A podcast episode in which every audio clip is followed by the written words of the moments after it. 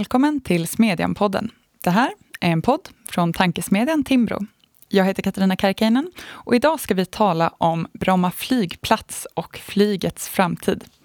I dagarna så gav ju regeringen besked om att man vill stänga Bromma flygplats och tillsätter en snabb utredning för att avveckla så snabbt som möjligt. Och den borgerliga oppositionen, såväl som stora delar av näringslivet och naturligtvis flygbranschen, har kritiserat det här beslutet. Vad finns det för olika perspektiv och målkonflikter i den här frågan? Hur ska man resonera om lönsamhet, miljö och kapacitet? Behövs Bromma? Och hur ska man egentligen tro att vårt flygande kommer att se ut efter pandemin? Med oss för att tala om det har vi Fredrik Kempfe, branschchef för flyg på Transportföretagen. Välkommen! Tack så mycket! På telefon från Kalmar, Martin Tunström, politisk chefredaktör på Barometern. Välkommen! Tack så mycket! Och med oss här också Sven Dahl som är chefredaktör på Smedjan. Hej! Hej! Har du några lästips för oss från veckan? Jag har nämligen kommit på nu en text som jag gärna vill tipsa om innan vi drar igång. Välfärdsstaten är ingen Robin Hood, en lite längre essä av Adam Danieli som på ett rätt omsorgsfullt sätt får man säga går igenom hur stora delar av den offentliga sektorn i själva verket i huvudsak gynnar den välutbildade medelklassen och alltså ja, men problematiserar ett ganska väletablerat perspektiv i, i svensk debatt. Vad säger du? Jag skulle vilja tipsa om Edvard Hollerts reportage Vindkraftskonflikterna har bara börjat. Som handlar om hur vindkraftsutbyggnaden skapar allt större konflikter mellan stad och land på många ställen, på många ställen i Sverige. Man kan också se det som att det skapas en konflikt mellan de som bor långt från de faktiska vindkraftverken och de som får ha dem tätt in på sig. Väldigt intressant läsning. Just det. Detta och våra andra texter från veckan hittar ni på timbro.se smedjan. Och om ni som lyssnar och läser har några frågor eller tankar med anledning av det eller podden så får ni jättegärna höra av er till smedjan timbro.se. Men nu alltså till Bromma och regeringens besked att flygplatsen ska stängas. Jag undrar inledningsvis, Fredrik, vad tänkte du när regeringens besked kom? Att en stängning av Bromma är Miljöpartiets vilja, så att säga, det är ju ingen överraskning och kanske inte att nyheten släpps nu heller om man följer politiken lite grann och den politiska logiken. Men det brukar ju alltid vara så att eh, liksom den som följer en fråga nära kan se mm. vissa detaljer och tecken som man själv inte gör. Mm. Ja, vi trodde nog att det skulle komma ett besked i infrastrukturproppen som kom strax där innan. Och eh, hade till och med förberett eh, lite talespunkter just in case. Men det kom ingen och det är väl också lite symptomatiskt för diskussionen nu kanske. Varför lägger man inte in en sån viktig infrastrukturfråga i sin infrastrukturproposition? Frågetecken. Men vi var väl eh, på sätt och vis beredda på att någonting kan komma. Eh, men eh, samtidigt så när det väl kommer och framförallt på det sättet som det presenterades och det sättet som det har förberetts är vi nog mest besvikna. Faktiskt. Om jag ska utveckla det så kan jag göra det. Nej, men det handlar ju om, det handlar ju om ett beslut som vad vi förstår inte är har diskuterats eh, med till exempel branschen eller företag på, på Bromma som berörs. Eh, vi har flera medlemmar där som bland annat underhåller eh, en del av Nordens ambulansflyg. Ingen har pratat med dem. Eh, så vi förstår att det här har ju skett bakom lyckta dörrar. Eh, det finns ingen transparens i processen. Fortfarande är det ingen som har sett Swedavia-rapporten mer än en sammanfattning. Och innan dess så vet ju ingenting vad som hände med Arlandarådets rapport. Eh, den här flygplatsöversynen försvann också någonstans. Eh, och jag tror inte vi kan skylla någonting av det här på pandemin, utan det är snarare på att en regering som inte vill prata om flyget på ett konstruktivt sätt, utan på ett mer destruktivt sätt. Mm. Jag tänker att det finns ett antal olika perspektiv på Bromma och argument som används i den här debatten och att vi ska försöka behandla dem lite ett i taget. En av de stora frågorna är ju naturligtvis lönsamheten. Eh, här kan man ju mena att infrastruktur är speciellt i det att det kan vara samhällsekonomiskt lönsamt och så att säga finnas andra skäl att bedriva den än strikt affärsmässiga. Och att affärsmässigheten också i sin tur påverkas av politiska beslut och satsningar. Men man kan ju också förstås mena att det är legitimt att tala i termer av strikt affärsmässig lönsamhet. Och när man gör det i den här diskussionen, då handlar det framförallt om det här underlaget från eh, Swedavia, som du nämner Fredrik, det statliga bolag som driver eh, flera av de stora flygplatserna i Sverige, eh, som menar att det givet den nya marknadssituationen inte längre är lönsamt att eh, driva Bromma. Men det här underlaget har ju också fått kritik. Dels på grund av den bristande transparensen, som du säger. Man har fortfarande inte fått eh, ta del av hela den här rapporten, varken liksom riksdagen eller andra berörda parter.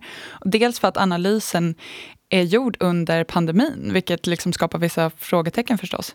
Så bred fråga här nu, men hur tycker ni att man ska resonera kring den här frågan om lönsamhet?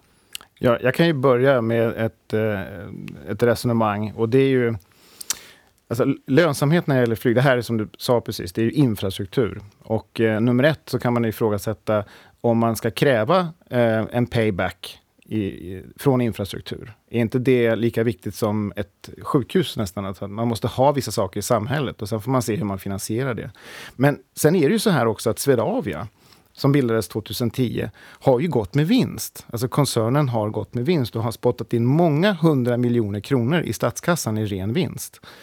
Och eh, att då gå på en flygplats under en pandemin som har i stort sett slagit undan, undan benen från flyget, inte bara i Sverige utan världen. Eh, det känns ju som ett, eh, ja, ett, ett konstigt grepp kan man väl säga, milt sagt. Um, och det, det, bygger också på någon form av um, tankelinje som finns hos regeringen att vi kommer inte, alltså flyget kommer inte att komma tillbaks på den nivå som man har sett förut.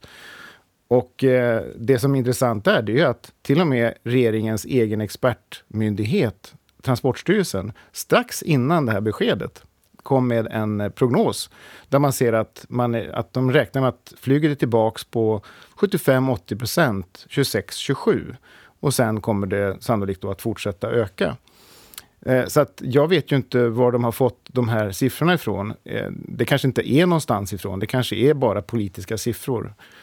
Så att jag tycker att man måste bredda frågan mycket, mycket mer än vad den har gjorts i den här debatten hittills. Det finns ju någonting lite märkligt där att man, vad man gjort de senaste åren på Bromma är ju att man faktiskt plöjt ner ganska mycket pengar i att eh, renovera flygplatsen. Man bygger ny spårförbindelse till flygplatsen mm. och har gjort den, ja, men, gjort den betydligt mer attraktiv. Och att den plötsligt skulle, att man plötsligt skulle vara beredd att på något sätt kasta de pengarna i sjön och stänga nu framstår som väldigt märkligt. Inte minst utifrån det här med de här konstiga prognoserna om att flyget inte skulle återhämta sig. Jag tänker att det kan vara bra med lite historiskt perspektiv där att den typen av, så här, av prognoser har vi fått höra ett antal gånger ja, men de senaste 20 åren. Alltså direkt efter 11 september hette det att nu kommer resandet att förändras i grunden. Affärsresandet kommer att försvinna helt och hållet under överskådlig framtid. Nej, det hände inte. Sen hände samma sak igen 2008 efter finanskrisen. Ja visst, man får en dipp. Men de här stora, den här ja, bilden av att ah, nu förändras allting. Vad, inte minst just vad gäller affärsresande. Att nu kommer man ha en övergång till, att, till bara digitala möten pratades det om då. Ja, ja, det sker inte där heller. Det sker en dipp och sen återhämtar sig resandet ganska snabbt. Och ärligt talat, jag tror att vi kan vara ganska säkra på att samma sak kommer att hända den här gången. För så himla roligt är det inte med Zoom-möten. Om det är någonting vi kanske lärt oss det gångna året är det att det faktiskt är ganska bra att ha fysiska möten. Mm. Och, och sen kan man se också när det gäller ekonomin, det finns ju faktiskt ett privat alternativ som har presenterats ganska nyligen. Eh, där eh, eh så vitt vi förstår så har man alltså frågat regeringen om man får komma och presentera det här, men det har man inte fått göra. Mm. Och, att då, och, och, det här privata initiativet har alltså kommunicerat att man har tittat på, på hela situationen och man ser att man kan driva flygplatsen med vinst och dessutom i ett hållbart, en väldigt hållbar riktning. Mm. Och sen, precis som du säger Sven, när man tittar på eh, historien. Eh, jag tror att eh, tittar man när telefonen kom så sa man ungefär samma sak, att nu kommer vi att sluta resa och mötas. Sen kom internet, kommer ni ihåg den diskussionen? Nu ska man ju sluta resa och mötas. Sen kom Skype, det var nästa jättegrej faktiskt, internettelefoni. Nu ska vi sluta igen. Och varje gång så har faktiskt vår utveckling blivit att vi träffas mer. Mm. Och det är inte så konstigt för vi skapar mer kontakter. Vad säger du Martin? Det lite, ja, det är lite lustigt det här tycker jag, Eh, lönsamhetsdiskussionen. Eh, det förs, den slängs fram här nu när det gäller en statlig flygplats plötsligt. Vi ute i, så här, i landsorten, i Växjö och Kalmar, där har staten för länge sedan avhändat sig ansvaret för flygplatserna. De är ägda av kommunen eller regionen eller både och. Så sent som i februari här gick regionen in med 80 miljoner kronor i Kalmar, Öland flygplats och köpte hälften. Det finns en, man har så tvingats att ta kostnader eh, det har aldrig varit en tal på att det ska vara någon avkastning eller någon form av lönsamhet eller alltså i, i direkt mm, pay-off till skattebetalarna utan att det är infrastruktur som är då regionerna i motsats till annan nationell infrastruktur. Då har vi visserligen haft ibland regional medfinansiering och så här av, av vägbyggen till exempel. Eh, kommunen eller regionen lånar ut pengar till staten. Men här så ska regioner och kommuner ta ett direkt ansvar för flygplatserna och svara för driften och framförallt också hela risken som sker i form av de förändringar som kommer med flygbolagskrav eller med eh, asfaltering av start och landningsbana och liknande ganska stora investeringar. Så det, det, det är olika måttstockar här från statens sida när man då diskuterar lönsamhet på Bromma och sen sedan länge har flyttat över kostnaderna på på mindre flygplatser till, till, till kommunerna som då tvingas här, betala för den nationella infrastrukturen.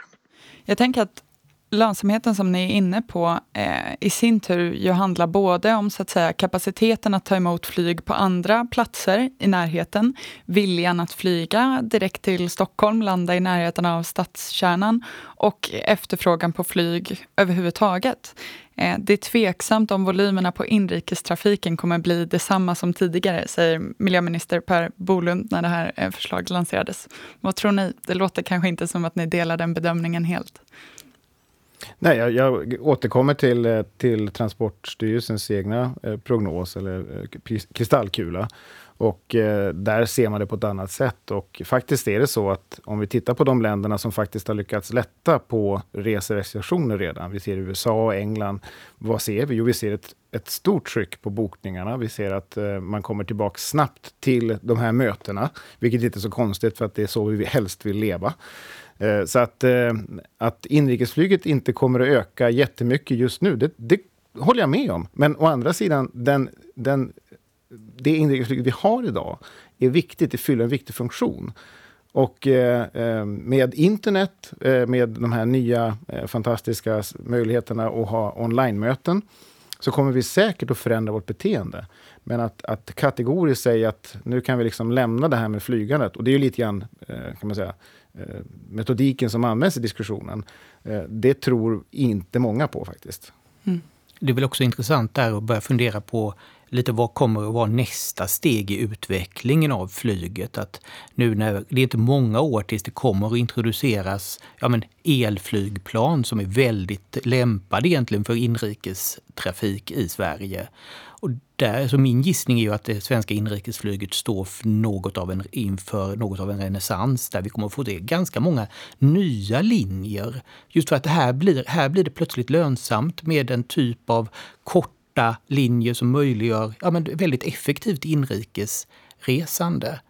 Så att, eh, och det är lite i det, ur det perspektivet jag tycker att man bör se Brommafrågan också. För här finns det ju en perfekt citynära infrastruktur för just den typen mm. av, av inrikestrafik. Mm. Ja, jag håller helt med och jag, jag brukar säga det att eh, det är dags för städerna att bli flygplatskramare därför att det kommer att bli en fantastisk tillgång ganska snart med den här nya typen av flyg. Och då är det inte bara passagerarflyg utan även fraktflyg och inte bara med större flygplan utan även drönare. Allt det här som vi ser framför oss nu måste ju faktiskt ta en plats i städerna.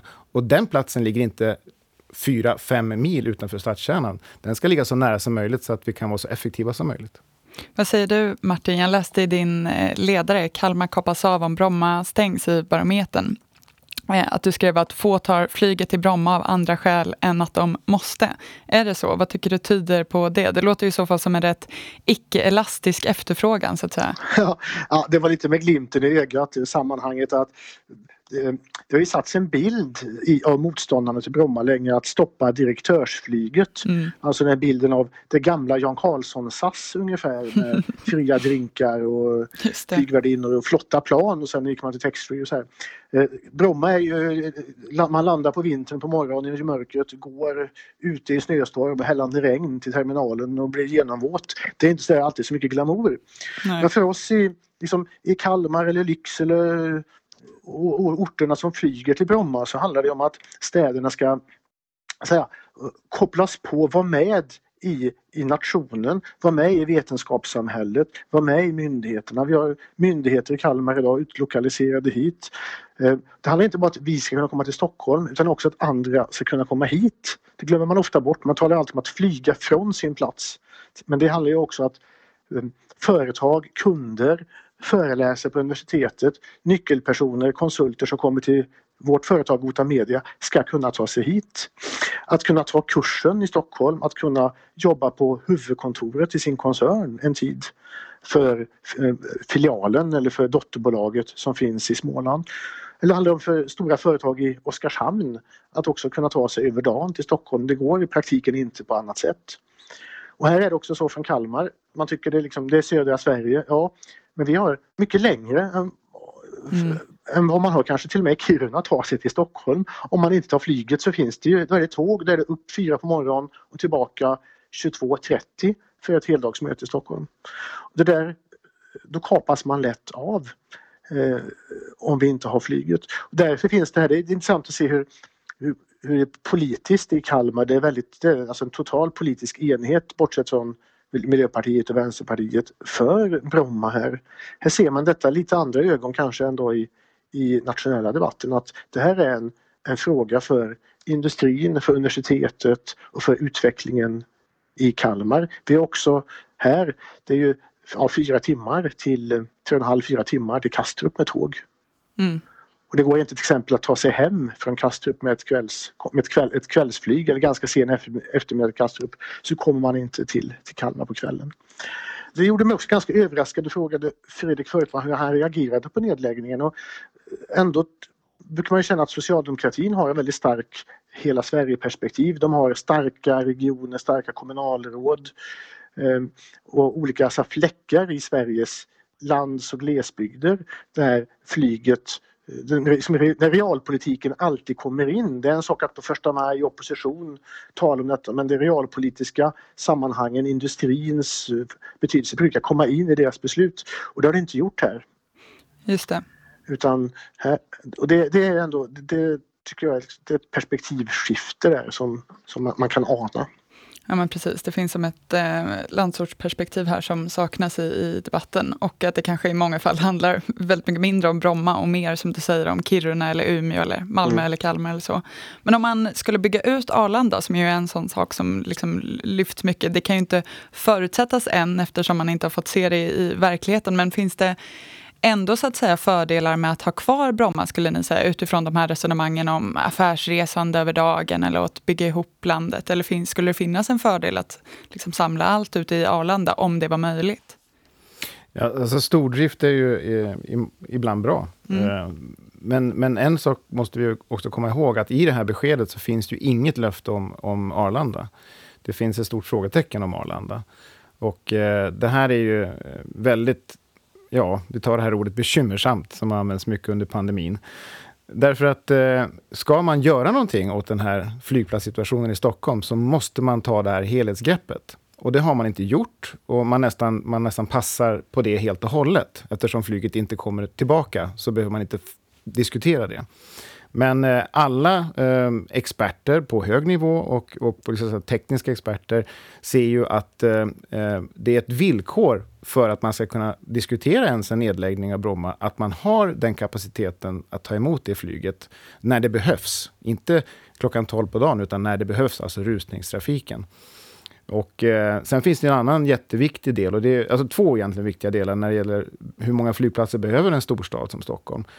Ehm, jag har inget svar på det, men jag, har, jag, kan definitivt konstatera att det finns ett samhällsviktigt flyg som har kanske svårt att konkurrera med linjeflyg på en stor flygplats som måste ibland komma, där, komma i luften eller landa där det inte finns möjlighet på en stor flygplats. Och det är ju väldigt mycket sånt vi ser på Bromma. En annan sak tycker jag vi fick en påminnelse om igår morse, för vad hände då? Jo, då stod ju trafiken stilla på Arlanda på grund av en misstänkt bomb eller väska i alla fall som jag inte kunde identifiera. Ponera då att vi har bara en flygplats i Stockholm och man stänger ner den terminalen eller de terminalerna som är öppna. Eller att det händer någonting annat på Arlanda. Då står ju, alltså Stockholm står ju utan flygförbindelse då. Helt och hållet. Och eh, då får man åka till Skavsta, vilket också är en bra flygplats. Eller Västerås om den nu kommer att finnas kvar, vilket det ser ut som. Men eh, det är ju inte i närheten för de här till exempel ambulanstransporter och annat som behöver gå. Mm. Så att, eh, jag tror att man måste även där då ta det här helhetsgreppet. Vad innebär det för Region Stockholm till exempel att ha eh, sjukvårdstransporter som inte kan genomföras på ett effektivt sätt?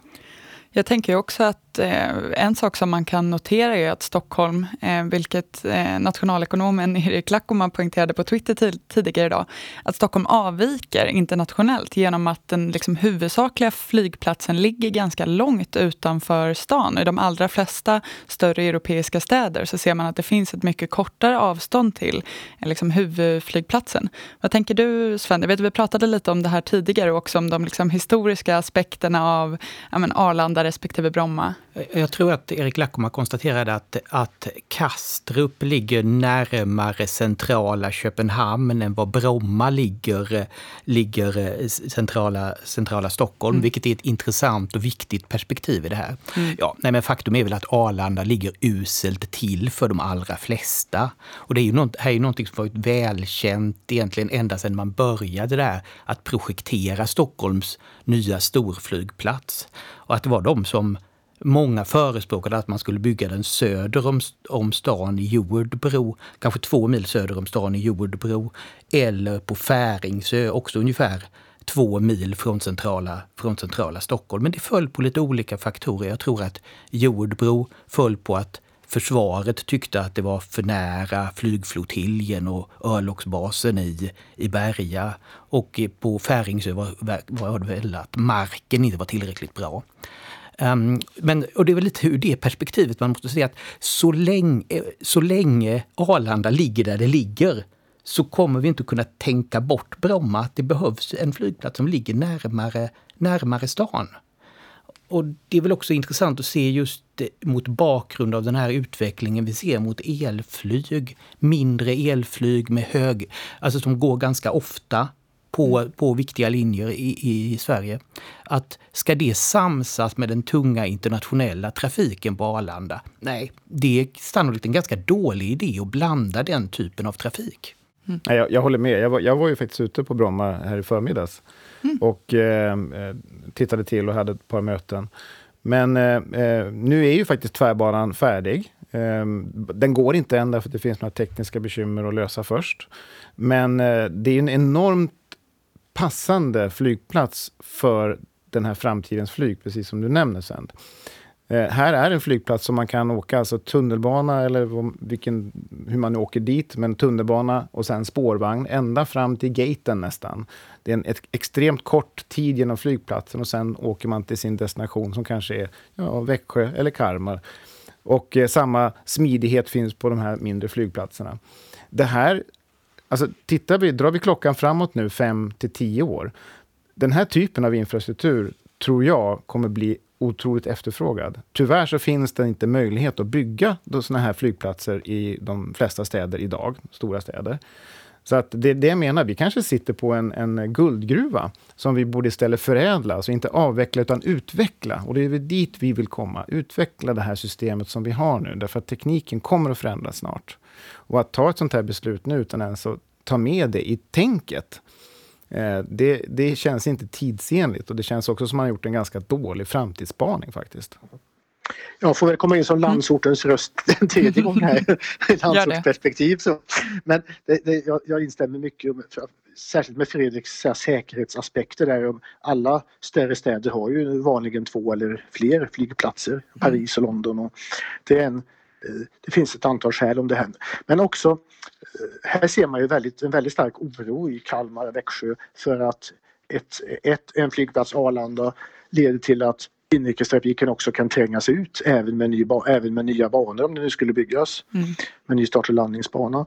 Att, uh, man, att, att, man tvingas konkurrera om slottider, uh, start och landning med, med annan trafik, internationell trafik till exempel. Då. Och det speciella med Sverige som jag tror många glömmer bort, många jämför alltid och säger Heathrow har färre start och landningsbanor än vad Arlanda har. Ja, men vi, har, vi kan inte göra om kartan över Sverige. Vi har Lycksele som har flyg, vi har Arvidsjaur som, som svenska kartan, vi har väldigt långa avstånd. Det gör att planen kommer till Stockholm ungefär samtidigt, väldigt tidigt på morgonen.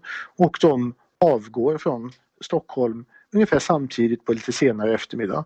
Och det gör att det är ett väldigt tryck på vissa tider på start och landningsbanorna på Bromma och Arlanda. Och det, det kan vi inte trolla bort. Och det är en väldig fara för Sverige som nation då om, om, om, det, om det inte finns slottider så det, så det räcker för de mindre flygplatserna. Eh, och den risken ser jag med en, med en stor flygplats. Mm. Två andra aspekter som har lyfts i den här diskussionen de senaste dagarna är ju miljö och klimat respektive buller. Ehm, men jag såg att du har sagt Fredrik att du inte tror att det här beskedet handlar om de aspekterna. Varför inte? Nej men det är ju så här att vi har en, en eh, ganska vass eh, fossilfri färdplan som vi jobbar efter. Och dessutom så ser vi att det här har ju, eh, om inte gett eko, eh, så i varje fall så har vi eh, absolut sådana färdplaner också som utverkas i, i, andra delar av Europa till exempel. Och eh, om man jämför situationen nu med några år tillbaka så är det så här att sven, svensk flygindustri och internationell europeisk flygindustri ställer om. Det handlar om biobränsle, elektrifiering, sen vätgasflyg och säkert hybrider däremellan när man blandat olika tekniker. Så att vi kommer ju att ha ett eh, mycket renare flyg Eh, kanske, eller en del kommer vara helt utsläppsfritt. En del kommer definitivt släppa ut mycket mindre om eh, ett antal år. Och, eh, så då kan vi nästan avfärda, eh, tycker jag, det här argumentet då att, att eh, vi ska stänga på grund av klimatsituationen. Och när det gäller buller, om man då skulle titta på just eh, elflyget. Jag har ju själv flugit ett litet elflyg, så jag vet hur lite det bullrar. Det är, är en enorm skillnad. Och vi har sett tester också från den eh, tillverkaren för flygelmotorer, Magnix, för de gjorde ju om en, eh, ett sjöflygplan till elflygplan. Och de har testat bullersituationen eh, där och det är ju en enorm eh, minskning av buller. Och deras slutsats är att ja, men då, då har deras tes, att säga, den stämmer. Man kan ha flygplatser stadsnära igen. Så att vi är tillbaks kanske där vi var på 60-talet ungefär. Då hade vi mycket fler flyg och framförallt när man jämför, tittar i USA så hade man eh, många, många hundra småflygplatser med det här regionalflyget. Och det har man varit tvungen att lämna på grund av tekniken. Men nu ger oss tekniken den här möjligheten att komma tillbaks till det här. Och dessutom utan utsläpp och mindre buller. Eh, när det gäller, eh, ja, som vi pratade om tidigare, ekonomibiten, så är det ju samma sak där. Att där är det, eh, det finns ett alternativ eh, som har presenterats där man, som man inte ens har tittat på. Och, och det, det, alternativet vill ju också göra Bromma till kanske världens eh, miljömässigt eh, vassa flygplats. Mm. Jag tänker här att det är lite kulturkrig eller kulturkamp över beslutet. Och att det var inte många år sedan, jag tänker på Dagens Nyheter som för några år sedan var en, en, en tidning för, för flyget. Det var, det var ett verkligen profilområde på ledarplats och nyhetsplats. Det var gränslösheten, Europa, eh, kosmopolitism. Liksom. Och flyget stod ju en gång i tiden också för det var ju en symbol för framsteg och till och med upplysningsvärden i sin mm. Eh, linda. Och nu är det tåget istället då, som har blivit symbol för upplysningsvärden. Man har, man har så bytt kurs och bytt... Eh, och det, det här Bromma-debatten ligger ju i det här nu med så här, materiella värden, icke-materiella. Man har Stockholmsväljarna som uppfattas i förra valet har, har eh, ja, det finns ett intresse att eh, vi såg det, den nya att Socialdemokraterna gick fram väldigt starkt i tidigare borgerliga områden utifrån eh, anti-SD, via upplysta, eh, via toleranta. Det fanns den, så här, den nya, en ny debatt, en, en ny politisk motsättning. Och jag är rädd att Bromma då används i detta. Eh, och det kan ju också vara lite förklaring till att Socialdemokraterna någonstans accepterar den här att och gå ifrån sin vanliga kurs att försvara industrin, hela Sverige, Lycksele, industrin i Oskarshamn eh, och istället acceptera den, den politiska bild där flyget då är, står för något eh, ont, något besvärligt, buller som sa, eller till och med ja, en, en motsats till det goda. Mm. Intressant. Lite på den noten då, om man ska tillåta sig att bli lite mer politisk strategisk. Varför händer det här nu? Hur ska vi förstå den här nyheten med liksom nyhets eller till och med statsvetarglasögon? En aspekt som ju inte går att bortse från är ju det skakiga samarbetet mellan Socialdemokraterna och Miljöpartiet. Mm. Att kunna ge Miljöpartiet det här nu mm. är ett sätt att hålla ihop den här regeringen ett år till. Men sen är det väl också så att så här, ta vara på en, på en bra kris, brukar man väl säga i politiken. Och detta är, pandemin har ju då skapat en, ja, en, en väldigt kraftfull men tillfällig nedgång i flygandet. Och då kan man använda det som argument för att eh, ja, men, ge sin lite besvärliga koalitionspartner någonting som de väldigt gärna vill ha. Jag tänker också att det inte riktigt går att komma runt eh, Miljöpartiet. Det var faktiskt väldigt roligt. Vår kollega Tobias Samuelsson kom in här på kontoret innan och visade ett klipp som han hade hittat eh, från Alice Bakunko, Miljöpartiet i eh, Europaparlamentet, som vi nästan måste klippa in här. Ja, så händer det äntligen. Bromma flygplats läggs ner. Och det, är, ingen liten vinst. Nej, nej, nej, det här är en sån stor vinst. Även om sossarna vill få det att låta som att det här är ett beslut enbart baserat på rationellt ekonomiskt tänkande så är det inte så. Detta är en miljöpartistisk seger inte rationellt ekonomiskt tänkande utan en miljöpartistisk seger. Det är också någonting lite freudianskt med att sätta dem i motsats till varandra om sitt eget parti. Ja, och samtidigt som det säger väldigt mycket att det här handlar ju för Miljöpartiet men också för många debattörer om ja, men ett närmast ideologiskt motstånd mot just flyget och som faktiskt om, om man ska anknyta till det som Martin sa, ligger väldigt nära den här historiska motståndet mot så här rörlighet som funnits i, ja, men, i många tusen år och tagit sig olika uttryck.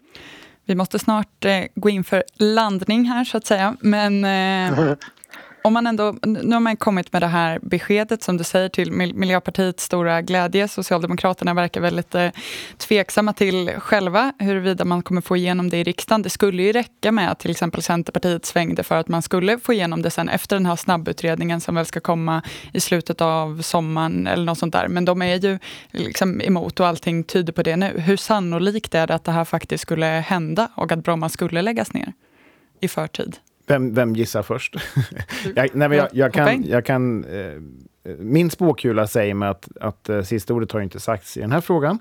Det, det finns en hel del eh, problem med processen. Hade det här varit ett förvaltningsbeslut så hade det inte gått igenom förvaltningsdomstolarna, kan jag säga. Det finns ingen konsultation, det finns eh, stora brister i de, vissa delar, alltså spaningen framåt och konsekvensanalys. Ehm, så jag tror att vi inte har hört sista ordet. Däremot så vet jag inte hur, hur lösningen ser ut, därför att det är inte en lösning som handlar bara om Bromma. Det handlar om hela Sverige. Det handlar om hela Stockholm och det handlar om angränsande regioner också.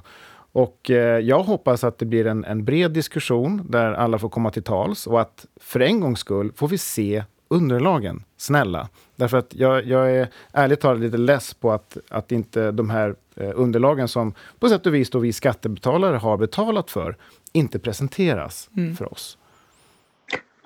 Jag tror också det att kloka ord är att när, när underlag och liknande kommer och en nedläggning konkretiseras rent hur, hur den ska gå till med de Det finns etablerade tillstånd, det finns avtal med bolag och liknande. Eh, att då tror jag också protester kommer för att eh, då, då ställs också kraven på mm. rimligen eh, på utbyggnad på Arlanda. Det kommer kostnadsbilder på det. Mm. Eh, det är en sak att säga att det, Bromma kan ersättas med bostäder men nästa steg är vad, vad kostar det här? Och vad blir effekterna? Och när de, när de fakta kommer fram i målet så tror jag också att debatten kommer se annorlunda ut. Sven, du får sista ordet här nu. Jag tror att Bromma kommer att finnas kvar. Vad härligt, säger jag avslöjande här på slutet kanske, också som boendes i en av de här stadsdelarna där ändå de allra flesta i grannskapet verkar tycka att förbindelserna och smidigheten väger över bullret och flygplanen som då och då passerar över hustaken. Numera känns det mer än någonting annat som en symbol på för att saker börjar återgå till det normala igen. Men vad framtiden har med sig återstår väl att se. Men med den prognosen från dig Sven, får nog lov att bli sista ordet för idag. Och jag får lov att säga varmt tack till våra gäster Fredrik Kempfe och Martin Tunström. Tack också till er som har lyssnat. Artiklarna från i veckan hittar ni som vanligt på timbro.se smedjan. Vi ses där och hörs igen här om en vecka.